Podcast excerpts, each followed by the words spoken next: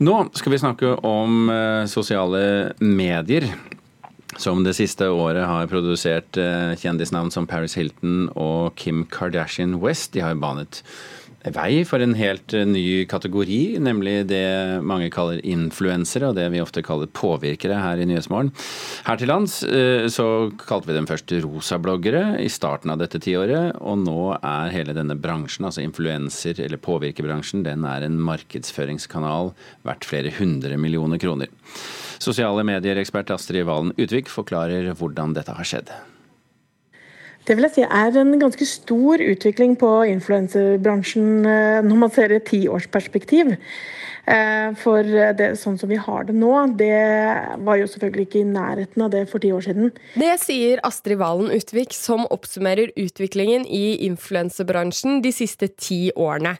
Hun jobber til daglig med sosiale medier for bedrifter, og hun er eier og rådgiver i byrået Valen Utvik, og er leder av juryen til Vixen Influencer Awards. Nå som vi har gått over i et nytt tiår, er det på sin plass å se tilbake på det som har gått. Vi spoler tiden tilbake. Hvordan var influensebransjen i starten? Da var det jo mer eh, noen bloggere på pikerommet som etter hvert ble kalt rosabloggere, og så begynte å få litt rekkevidde og litt eh, lesere på bloggene sine. Og så tok bedriftene kontakt med dem. Internasjonalt har Paris Hilton fått mye av æren for å brøyte vei for denne nye kategorien kjendiser. Det startet bl.a. med denne serien.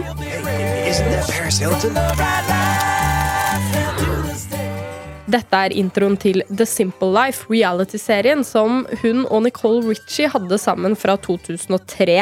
I Los Angeles Times ble hun tidligere i år kalt Hollywoods originale influenser og Hilton selv har brukt hashtaggen The Original Influencer om seg selv på Instagram, blant annet i denne videoen. Brooke Erin Duffy, førsteamanuensis ved Cornell University, sa til Los Angeles Times tidligere i år at Hilton drev med strategisk promotering av seg selv før det var noe alle gjorde og i hennes fotspor fulgte bl.a. familien Kardashian Jenner, som startet sin egen realityserie Keeping Up With The Kardashians for mer enn ti år siden.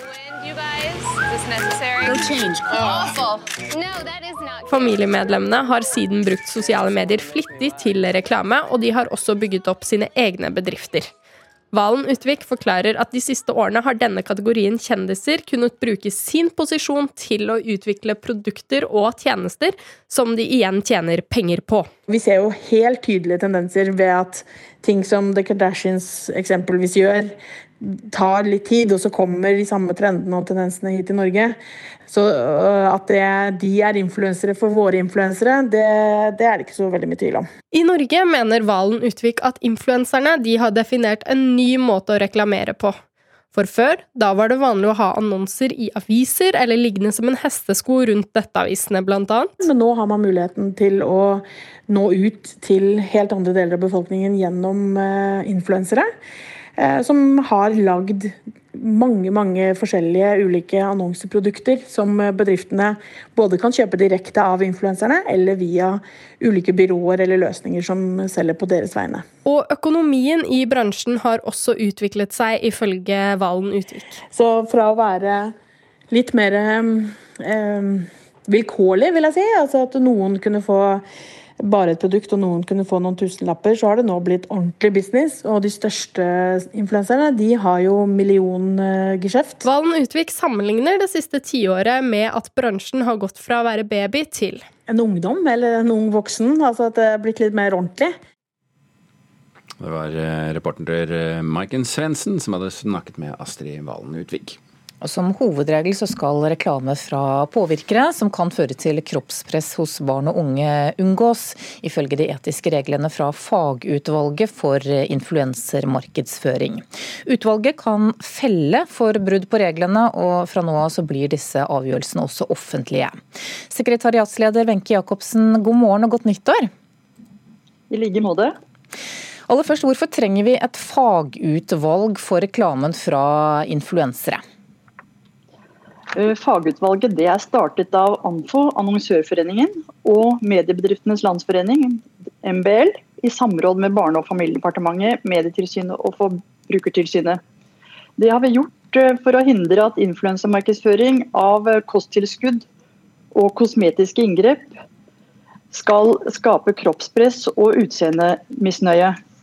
Og da med særlig fokus på barn og unge voksne. Betyr det at det er et problem i dag? Eh, ja, det vil, vil, jeg jo si. Ellers hadde vi jo ikke gjort dette her. Men Hvordan eh, ser dere for dere at dette her skal fungere? da? Kommer bransjen til å følge føringene deres og, og, og, deres avgjørelser?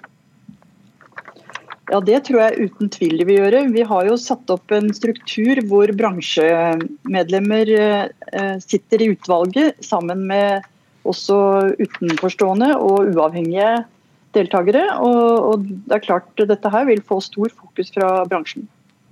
Disse, dette etiske regelverket ser også spesielt på reklame som du sa, av f.eks. kosmetiske inngrep og, og kosttilskudd. Hva er målet? Målet er å hindre at det skjer eh, markedsføring som er uheldig og som skaper kroppspress overfor eh, de unge og, og, barna. Og Det vil alltid være en helhetsvurdering. altså Hvilket produkt snakker vi om? Hva slags appell har influenseren til barn og unge? Altså, altså Hvor mange unge følgere har vedkommende? Eh, hvordan er den generelle profilen til influenseren? Er det mye fokus på kropp og utseende? Og det vil også benyttes uh, vurdering som hva slags språk, hva slags bilder, og i hvilken sammenheng markedsføringen da fungerer i. Ja, når når det skal fattes vedtak. Men hva, hva er det som ikke er eh, innafor? Det eh, handler jo om at det skal være og Det er denne helhetsvurderingen. da, At det er kirurgiske inngrep eller um, kosttilskudd som da markedsføres på en måte som er um, i, i strid med de uh, vurderingene jeg sa i stad. Altså produkt, influenserens appell, generelle profil, språk osv. Mm, jeg bare tenkte om du hadde noen eksempler? Ja, Det vil jo kunne være dersom du bruker eh, Dersom du, en influenser viser uh, at de har foretatt en Eller, eller idet de foretar et inngrep, og, og, snakker om det og, og, sier at eh, gå til dette instituttet for å få utført eh, jobben, det er eh, et eksempel på noe som ikke, bør, som ikke skal skje. Ok, Sekretariatsleder Wenche Jacobsen, takk for at du var med her i Nyhetsmorgen.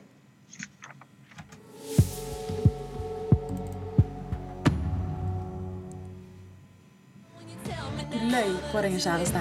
Ja. Da må du få deg kjæreste. På 24 dager. På 24 dager. Jeg skal hjelpe deg. Det er piece of cake.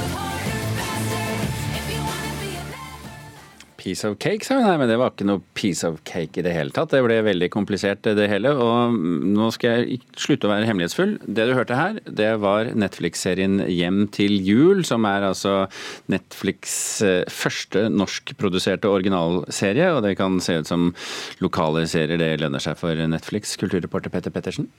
Netflix' årlige oversikt over, de populære, over, det mest populære strøminnholdet viser at både Norge og Sverige er blant de åtte landene der lokalprodusert innhold er, er, mest populært, skriver Klassekampen i dag.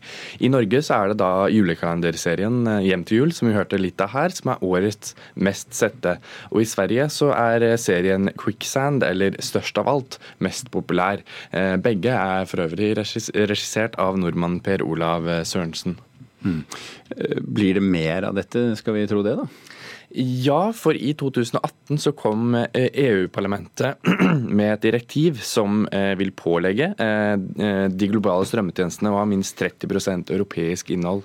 Og i tillegg til vil regjeringen her hjemme tvinge strømmetjenestene til å investere i norske film og norsk film- og TV-serier. Mm. Så det går bra for Netflix her til noe som absolutt ikke har gått så bra.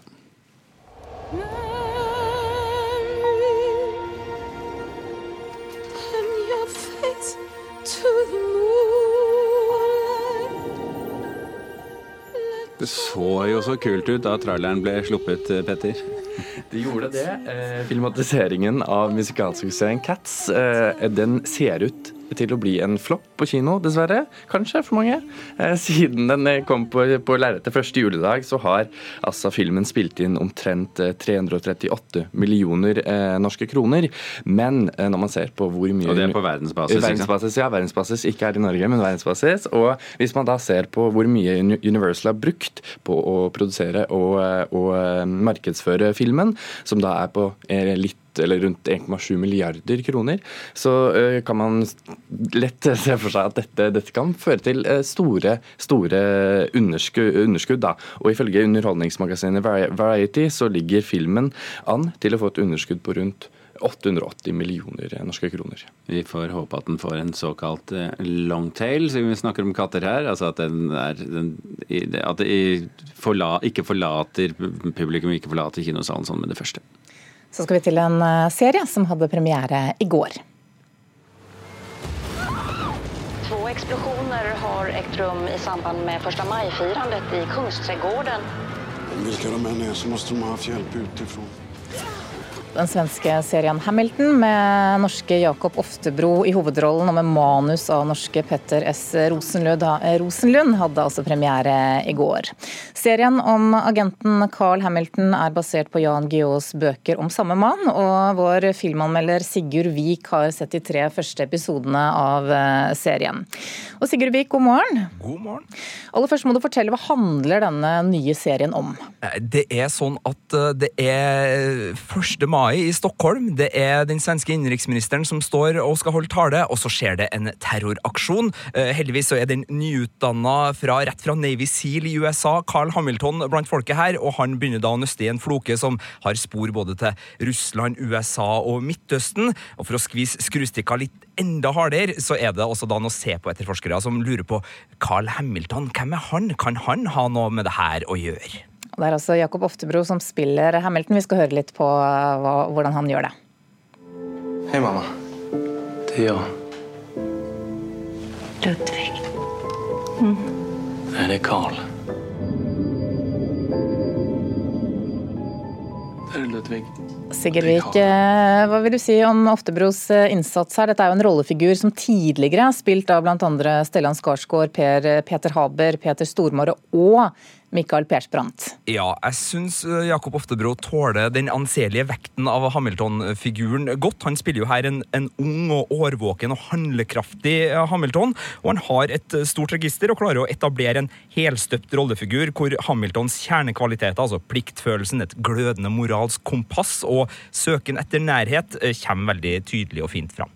Hva syns du om Petter Rosenlunds eh, forsøk da på å modernisere Hamilton som en ung mann på 2020-tallet? Jeg syns han lyktes både med å gjøre det ganske tidløs. Her er det klassiske kvaliteter som dårlige sjefer, leit etter sømmen i falske spor osv. Som, som kjennetegner spionsjangeren. Samtidig som han fanger opp eh, aktuelle engstelser da, med spesielt eh, forholdet mellom Russland og USA, som lummer i bakgrunnen der. Og ikke minst da cyberangrep, som det står så fint i beskrivelsen. Altså det sårbare i i, internasjonal datasikkerhet. Men Fungerer det som spionunderholdning? Ja, altså, Vi har jo vært bortskjemt med veldig mye bra de siste årene. Fra liksom eh, giganter som Homeland til nyanserte mesterverk som Le Bureau. Og uh, Hamilton må jo ut og kjempe om uh, oppmerksomheten til det her TV-publikummet.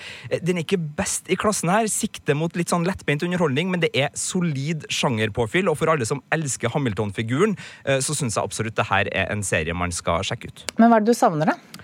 Du, eh, Det er noen replikker, spesielt de med tjukk amerikansk aksent, som, eh, som faller litt igjennom. Og det er ingenting som virkelig begeistrer meg som seer som har sett så utrolig mye god spionunderholdning her, utover at det, jeg, jeg, liker det, men det er ingen som, ingenting som er, liksom sånn, står seg ut som Å, her er Hamilton best i spionklassen. Men det er ikke dårlig, det er bare øh, en sterk terningkast fire, som det heter på filmkritikerspråket. Ok, Takk skal du ha, filmanmelder Sigurd Vik. Og hele anmeldelsen fra Vi Vik den ligger på våre nettsider nrk.no, så du kan gå inn og lese mer der og se bilder.